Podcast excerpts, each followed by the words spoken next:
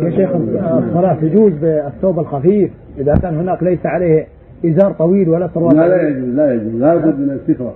التي تستر ما بين السرة والركبة. أيوه. إما إما سراويل سخين ساتر وإما قميص ساتر. أي. وأما بعض الناس الذي يفعل سراويل رقيقة تبين فيها أفخاذه هذا لا يجوز.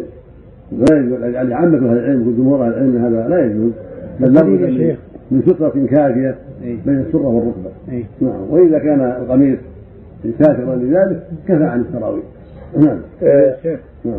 حبذا لو طلعت في التلفاز بدون ما تطلع الصورة. ما يمكن هذا. قلنا لهم لكن أبوا. يقولون ما يمكن أبد. ما يمكن. قلنا مستعدون خروج دون صورة لكن ما يقول لا بد من الصورة. نعم. والله يهدينا وإياهم. نعم. نعم. وفتى في تحريمه ترى. يا شيخ. نعم. أنت من أي أي ذيك الأيام في مسجد سكيرينا قلت إن اقتناؤه لا يجوز في المنازل. ما هو بهوان عن هذا المنازل مليانه من هذا يمكن 95% كلها فيها فيها حتى في